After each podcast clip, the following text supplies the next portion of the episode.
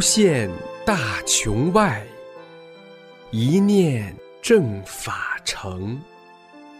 师尊慈悲愿，万物沐春风。请听明慧专题《一师恩》。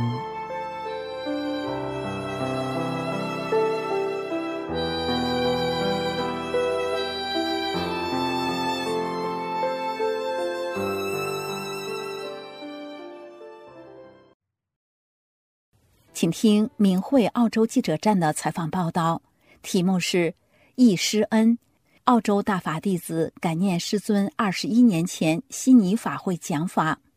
文章发表于明慧网，二零二零年五月十九日。一九九九年五月二日至三日，全澳洲法轮大法修炼心得交流会在悉尼达令港国际会展中心大厦召开。当时有来自澳洲、美国、加拿大、瑞典、泰国、日本、新西兰、新加坡、香港、澳门、印度尼西亚和中国大陆等地的两千七百多人到场，有幸聆听了师尊李洪志大师的讲法和答疑。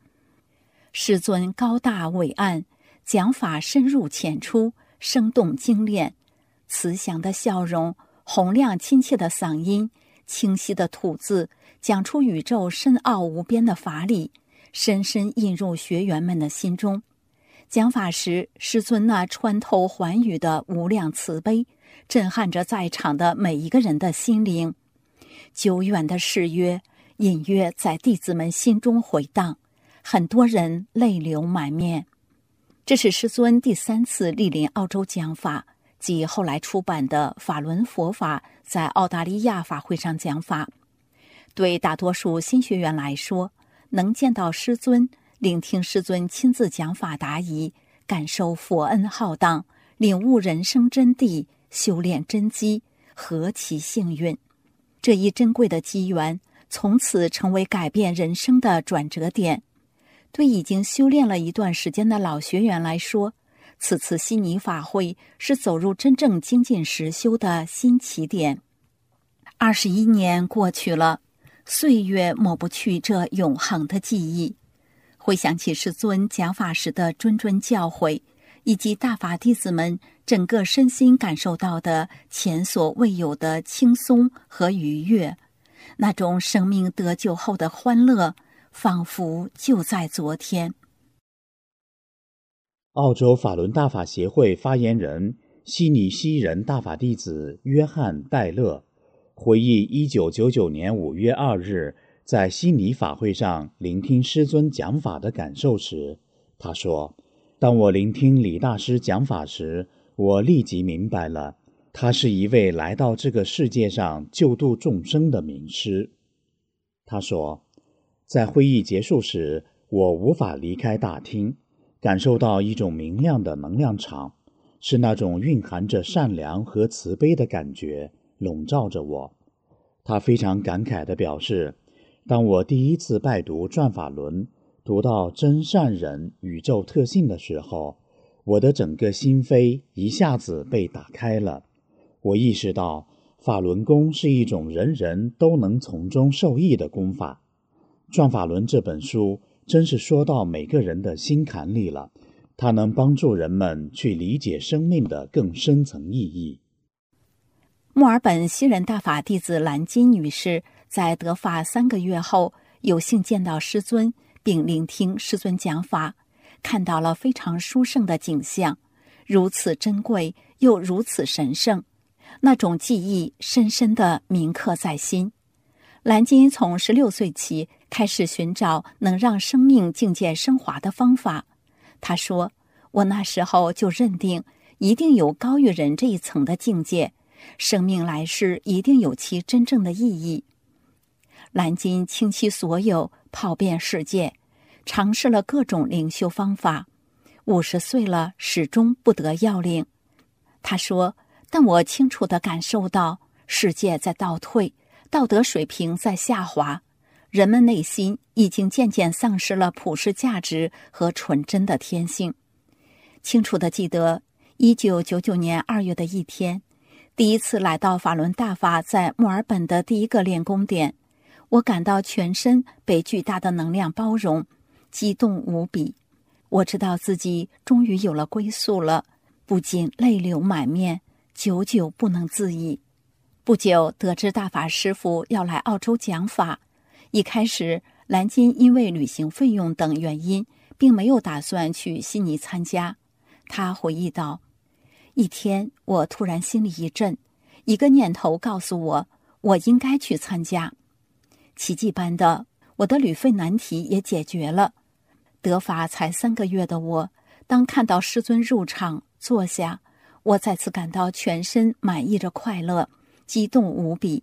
我内心更坚定了这个念头：这就是我从十六岁起要寻找的神圣的大法。师尊在主席台上坐下后，我惊奇的发现，师尊的整个身体是透明的，非常美妙。我简直不敢相信自己的眼睛。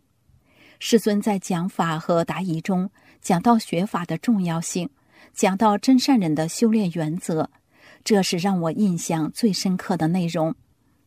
在参加悉尼法会前，师尊打开了我的天目，我能看到很多层粒子。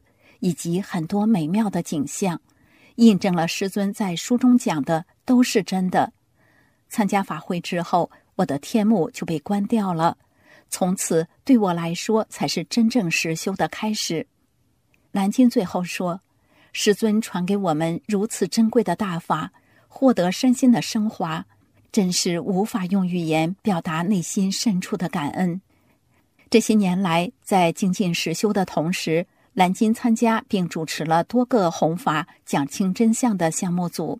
他说：“我现在正在联系墨尔本的中小学校，希望学生老师们都能通过我们的分享，知道什么是真正的永恒，进而了解真善人原则和法轮大法的美好和伟大。”布里斯本华人大法弟子威廉罗，一九九八年开始修炼法轮大法。曾参加当年的新加坡法会，目前是昆士兰州大法学会的主要协调人。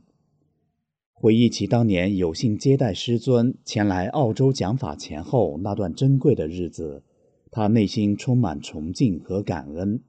他说：“当时经历的很多事情都让我震撼，师傅什么都知道，太慈悲了。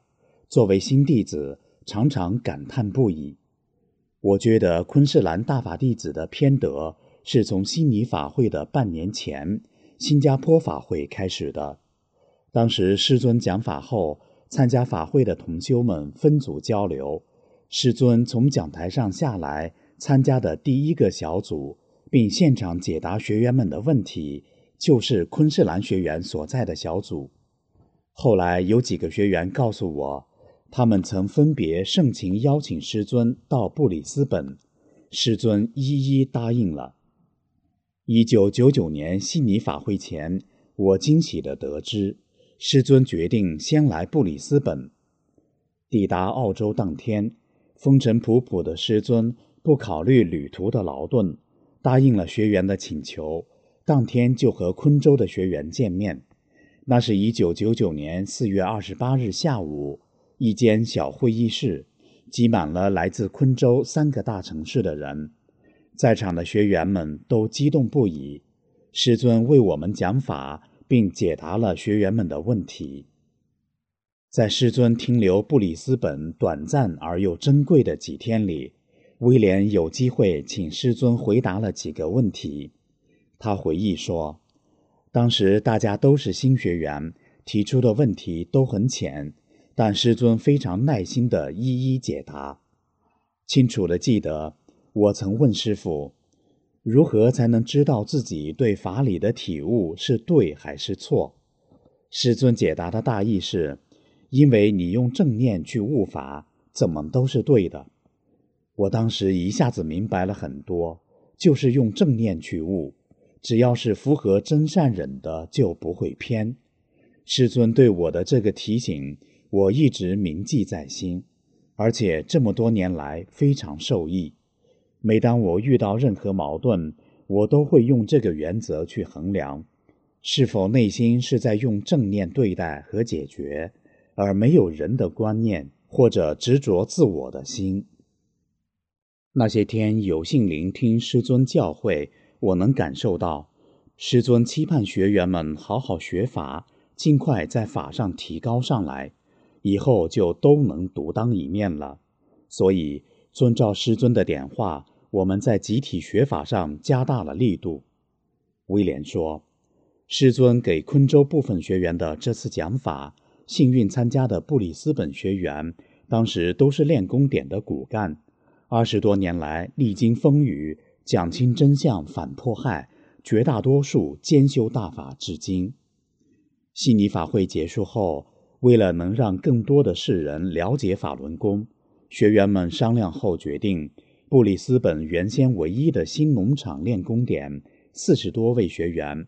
分头在住家附近成立各自的练功点。威廉说：“当时新练功点增加了将近二十个，整个昆州的数量就更多了。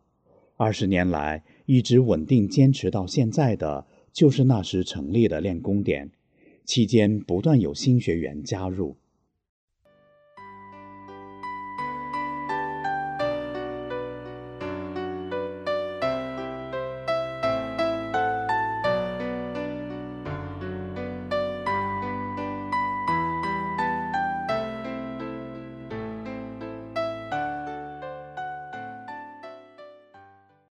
今年七十岁的墨尔本大法弟子安吉拉来自马来西亚，曾经是虔诚的佛教居士。一九九九年二月有缘读到转法轮，很多问题，比如在寺庙中看到出家人种种不该有的言行等产生的疑惑，都迎刃而解。但是否放弃佛教，还心存顾虑。克服家人的劝阻，和丈夫一起参加了当年五月的悉尼法会。慈悲的师尊回答了他的提问，从此他成为精进的大法弟子。他说：“我们家人都信佛或者修道，所以一家四口移民澳洲后不久，我就到庙里义务做事，而且做得很辛苦。早晨把一双儿女送到学校，立即就去庙里干活。”几乎一刻不停的做到孩子们放学，把孩子们接回家之后做晚饭，一切收拾停当就去上夜班。当时主动要求做夜班护士，就是为了白天能去庙里做事，一天二十四小时连轴转，几乎没有睡眠的时间。整整五年，结果是健康状况越来越糟，最严重的就是长期缺乏睡眠导致的头痛。还有胆结石，到了必须做手术的地步。一位曾经在同一个庙里参加活动的大姐，一九九七年开始不再来庙里了。之后我打电话询问她的情况时，得知她在修炼法轮功。因为她知道我在寺庙做义工非常投入，也许因为机缘未到，她没有告诉我法轮功的详情。直到一九九九年的一月。对寺庙里的尼姑们为利益勾心斗角的种种表现感到厌倦和失望，安吉拉和丈夫决定离开寺庙。她说：“于是我向这位大姐打听她的师傅是谁，她随即送给我一本《转法轮》，并给我演示了五套功法。阅读了《转法轮》，结合自己在寺庙的所见所闻，安吉拉明白了很多问题。”也佩服师傅说的都是真的。安吉拉说：“之前我难理解为什么这些庙里的出家人会为了一点小事或者利益而矛盾不断。看了转法轮，都明白了。二月份，我决定修炼法轮功。之后听说悉尼要召开法会，我就立即报名了。当时来自朋友、家人的阻力很大。”他们都在劝说我不要去参加，特别是马来西亚的哥哥，因为马国当地报纸对法轮功的报道都来自中国大陆，因此受到蒙骗。他多次打长途电话劝说我放弃，但我的内心已经很坚定了，没有被他们动摇，因为我已经感受到法轮功的神奇。比如第一次练功，我明显感受到在头周围有东西在旋转，以及很强的能量场。后来明白，师傅是在用法轮为我调理极度缺乏睡眠而受损的大脑。另外，胆结石也不治而愈。在悉尼法会的会场，我和丈夫的座位距离主席台很远，但从师傅一走进会场，我就开始流泪，一直不停的流。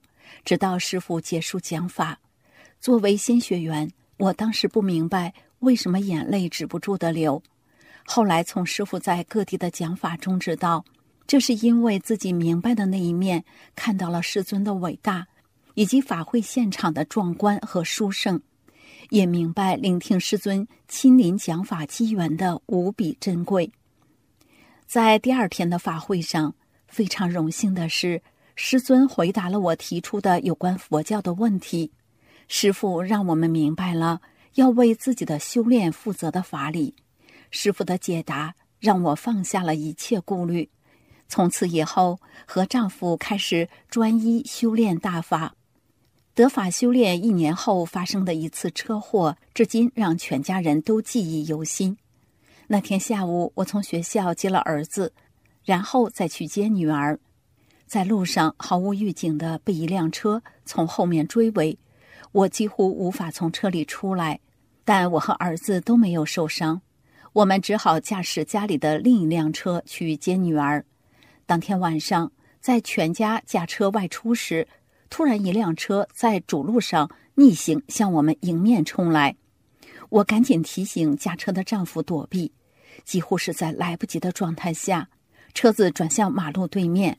躲开了几乎会把全家置于死地的车祸，一天之内遇到两起非常危险的驾车事故，我们明白都是来取命的，但师傅的法身两次保护了我们。惊险而又神奇的经历，让夫妻二人信师信法更加坚定，修炼也更加精进，天天练功学法，二十年来没有间断过。如果偶尔哪一天，没有练功或者没有学法，第二天他们一定会补上。今年，安吉拉回到马来西亚家乡，和亲友们一起庆祝自己的七十岁生日。亲友们看到年长她四岁的哥哥已经不能出门旅行，而安吉拉和丈夫还是和年轻人一样，年年跨洋参加国际法会。安吉拉说：“我们两个都觉得自己很年轻，感觉不到自己的年龄。”这也是修炼人身上的超常表现吧？亲友们能非常明显的看出我们和家里同龄人的明显不同，年轻又有活力，所以都认同大法好。我们从独立感言的报纸最开始在墨尔本发行，就承担了几个区的义务分发工作，做了十多年。后来又承担了各种大法活动前期的准备以及结束后的收尾工作。是负责人之一，一做就是十多年，直到现在。准备工作包括横幅、资料台的设置等等。体力活儿，比如大件的搬运，没觉得吃力。有时候从早晨七点要忙到晚上很晚才结束。不同的活动准备工作都不太相同，都一样繁琐。但当用心去做的时候，明显感到是师尊在加持。才能如此顺利，如此井井有条。很多时候走路生风，感觉好像在飘着走。他最后深怀感恩地说：“师傅一直在保护着我们，唯有精进实修，严格要求自己，才能不负师恩。”墨尔本一家独立华人媒体的总裁肖中华，在有幸参加悉尼法会之前。只是刚刚学练了五套功法，他说：“参加法会最大的收获就是解决了我的疑问。师傅的回答给我的感受非常特别。”肖中华当时在悉尼的一所中学教书，经过几种气功，冥冥之中在寻找修炼的法门。从学生和学生的家长那里得知法轮功，大致学了动作。当时了解的非常肤浅，但一听说法轮功师傅要来讲法，没有丝毫犹豫，坐火车就去参加了。我的座位在后面，距离主席台很远，看不清师傅本人，只能通过大屏幕观看。但不知为什么，一看见师傅，我心里就感到很激动，就觉得特别震撼，眼泪止不住的流。当时听师傅讲法的时候，心里就有一个念头：师傅就是神，只有神才有这么慈悲的眼神。普通人没有这样的眼神目光，一定是神。他说，法会第二天答疑的时候，师傅让学员们提条子，而我既没有带纸，也没有带笔，又坐在一排座位中间的位置，当时只能看着别的人把自己的问题条子传递给工作人员，所以他除了只能是在脑子里想着自己的问题。其他做不了什么，但是既让我惊喜又感到神奇的是，现场没有人提出类似的问题，但师傅在回答一个不相关问题的时候，看似顺便回答了我的这个问题，而且师傅在说明这个问题的时候，好像师傅的眼光通过这么远的距离是在看着我，对着我说的。这个时刻是让我至今记忆犹新的，刻印在心里。我能感受到，隔着那么远的距离，对主席台上的师傅来说，我就是观众席上的一个小点而已。师傅的声音和眼神都在对我说，一种信息也在告诉我，我在回答你的问题。法会结束后，还有一个特别的经历，在回家的火车上。看到一对年轻夫妇带着孩子，我就问他们是否也是参加了当天的法会。他们说是，而且和我住在同一个区，两家距离很近。他们已经修炼一段时间了，我特别高兴，因为当时在那个区我谁都不认识。这下好了，他们得法已经有一段时间了，从此以后。我就到他们家附近公园和他们学法，一起练功。肖中华从此开始真正走入大法修炼，参加这次法会的经历永世难忘。师傅的智慧慈悲，一次次让内心被强烈震撼。只有神才能有这样慈悲的眼神。这些年来，从没有动摇过坚定修炼的信念。不论遇到什么困难，因为内心知道师尊讲的法都是真理。困难的时候，想不通的时候，遇到磨难、挫折的时候，离开法就会难受。学法的时候，师父在书中什么都告诉我们了。在自己身边发生的这一切都是有原因的，都是修炼过程中必走的路。没有磨难怎么修呢？没有磨难，也不知道自己的执着心在哪。难受就是执着心引起的。不断的学法，也越来越明白师傅讲的一切都是天机，而且在不断加深对师傅讲法的理解。虽然还是很肤浅，但我内心明白，只有师傅的法能解答一切，能给我们智慧，总能解决自己遇到的问题。悉尼华人大法弟子罗明强是澳洲少数几个有幸三次聆听师尊在悉尼讲法的老学员。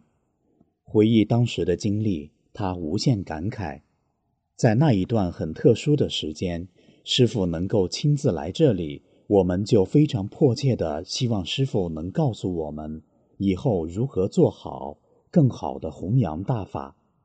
师傅在悉尼讲法答疑时，还提到另外空间很多事情，就是在这个空间展现出来的事情，实际上和另外空间都是有联系的。师傅的讲解使得我们在法上有了很多比较明晰的理解。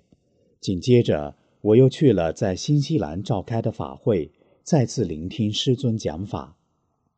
罗明强从一九九六年初开始阅读《转法轮》，当时他还是别的门派的气功师。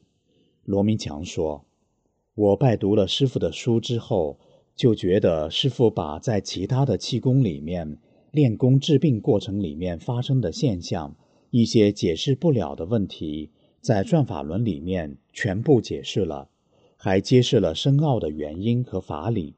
我非常佩服师傅，觉得太了不起了。师尊几次莅临澳洲，我都有幸见到师尊，并提出修炼中遇到的问题。我感到慈悲的师尊在关心每一个学员的修炼状况。我庆幸跟这个师傅是跟对了。我找到真正的师傅了，他回忆说，当时印象很深的一个收获就是，师傅让我明白了，师傅会给弟子最好的。我们的生命在久远的宇宙的变异的过程中产生，越来越不纯了。如何才能真正回到最好、最原始、纯净的生命状态呢？如果拿金的纯度来比喻。就是二十四 K 金的完美的、没有杂质的纯度，就是怎么才能真正回到最好的生命？我的理解，这个过程中最重要的是我们能否做到真正信师信法。只要能做到，师傅就会给我们最好的，最后的结果就是最完美的。因此，下决心自己一定要兼修大法到底。罗明强说：“经过二十多年的风风雨雨，感觉到慈悲的师傅时时刻刻在关照着自己，根据自己的修炼情况，用各种方法点化弟子，不断给弟子展现修炼的神奇和美妙。”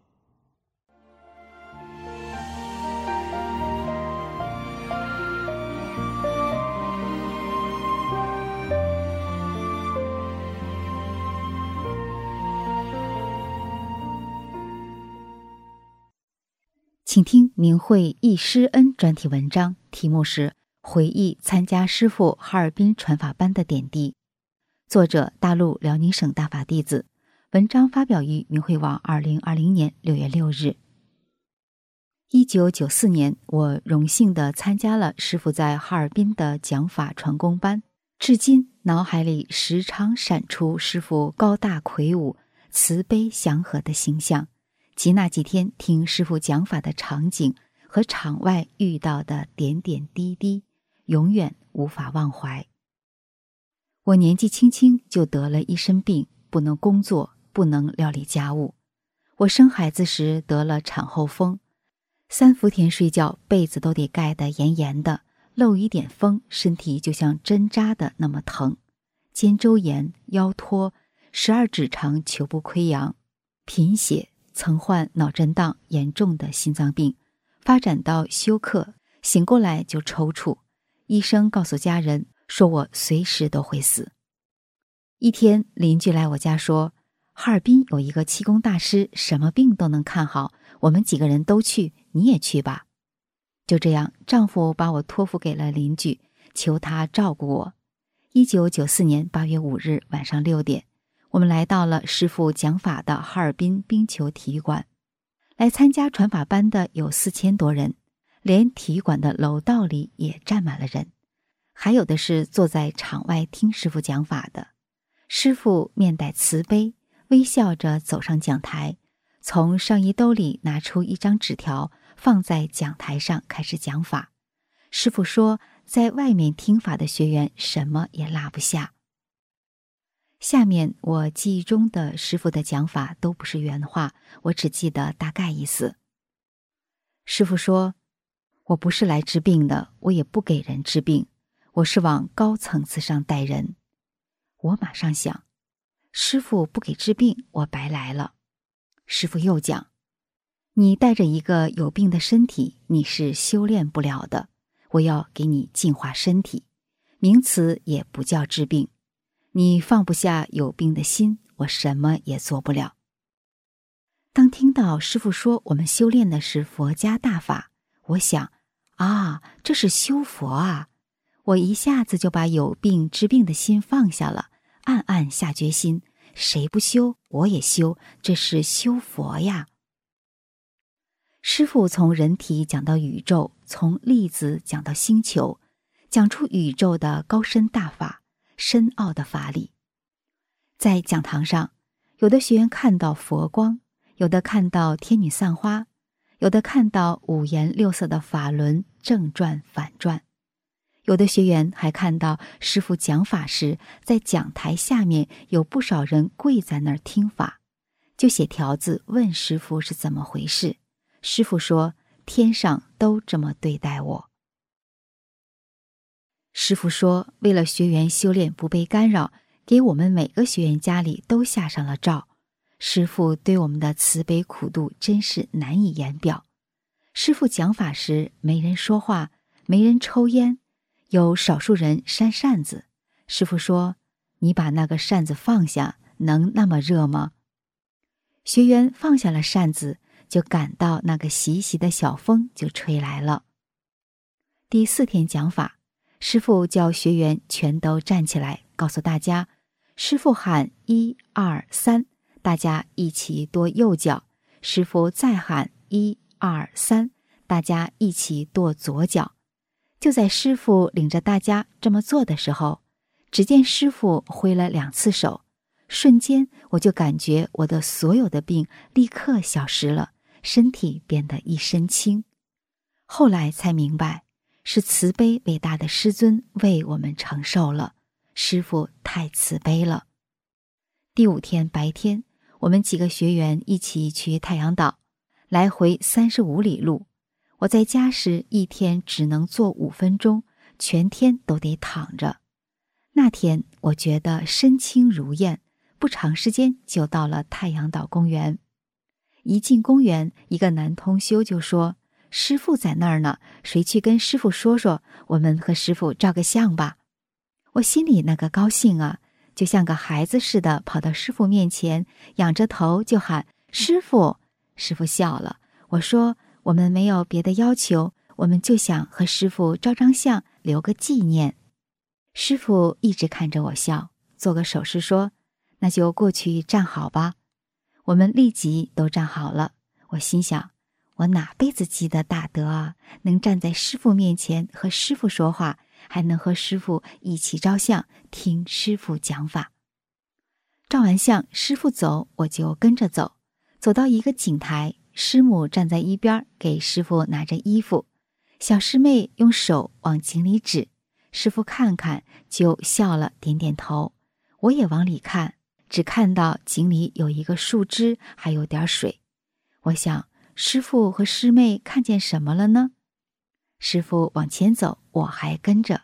工作人员说：“师傅太累了，出来走走，学员们就不要再跟着了。”我停下了脚步，眼含着泪水，目送着师傅走远，看不见了。待在师傅身边，被佛光普照着，那种幸福和荣幸感，无法用语言表达。从公园回来，晚上听师傅讲法。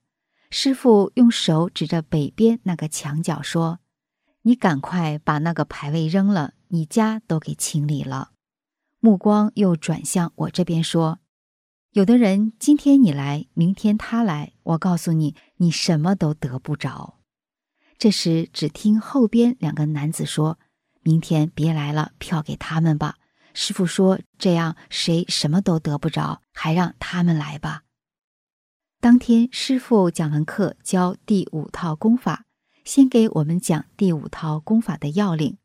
教功时亲自给学员纠正动作。那天师傅告诉学员：“师傅第二天去某某礼堂给当地的人讲法，可他们的票都让学员们给占了，希望学员就不要去了。”可第二天。我们学员还是都去听师傅讲法去了，人挤得连门都进不去，谁也不让谁。我被挤在中间，两只脚够不着地，就这样悬着，被人夹着往里挪，总算挤进去了。我们先进去的坐在最前面，正好对着师傅讲台，讲台离座位很近，也就三米远。师傅讲法时，让学员都站起来。师傅说。自己的病好了的，就想家人，像家里的一个人一样病。你回去看看，保证他那个病好了。这几天我全身心的听师傅讲法，生怕落下一句话，连眼都不眨。用常人的话说，我是一个贤妻良母，可这几天什么孩子、丈夫，脑子里全无，装的全是法。听师傅这么一说，我就想，我的病全好了，丈夫有心脏病，儿子晚上睡觉严重盗汗，床上的海绵垫都能湿透，床都湿了，没有干的时候，谁也治不好。就在心里对师傅说：“我想两个人吧，我家就三口人。”师傅喊一二三，让我们跺脚。我就看到师傅一挥手，打出去一道佛光，全体学员一个没落都照射到了。我是站在最前面的，怎么能看到后面了？我悟到是师傅把天幕给我打开了。回家后看到丈夫、儿子，问他们的病，他俩说全好了。看看儿子的床垫子，真的是干干的。慈悲伟大的师傅救了我们全家的命，我全家感恩师傅，感恩大法，师傅的大慈大悲铭刻在了我的心里。学习班要结束了，我还想看看师傅。师傅走过来，我是站在楼上，工作人员清场撵我走。我说我看师傅一眼就走。师傅抬头笑着和我摆手。我就感到一股热流通透全身。第二天学习班结束，下课后，师傅让我们练五套功法。练完进功，睁眼一看，师傅走了，就像孩子离开了父母一样，眼泪止不住的流下来。什么时候还能见到师傅啊？七二零，中共恶党开始打压诬陷法轮功。对师傅极尽造谣污蔑之能事，脏水都泼在慈悲师傅身上。我们去北京为师傅讨个公道，就被打、被抓、被劳教、被判刑，接着甚至被活摘器官谋取暴利。大法弟子遭受着残酷的迫害。然而，师傅的宇宙大法的法理指导着我们，闯过了一个个生死大关。师傅将计就计，圆满着我们大法弟子的果位，建立着我们的威德，给了我们最荣耀的称号——正法时期的大法弟子。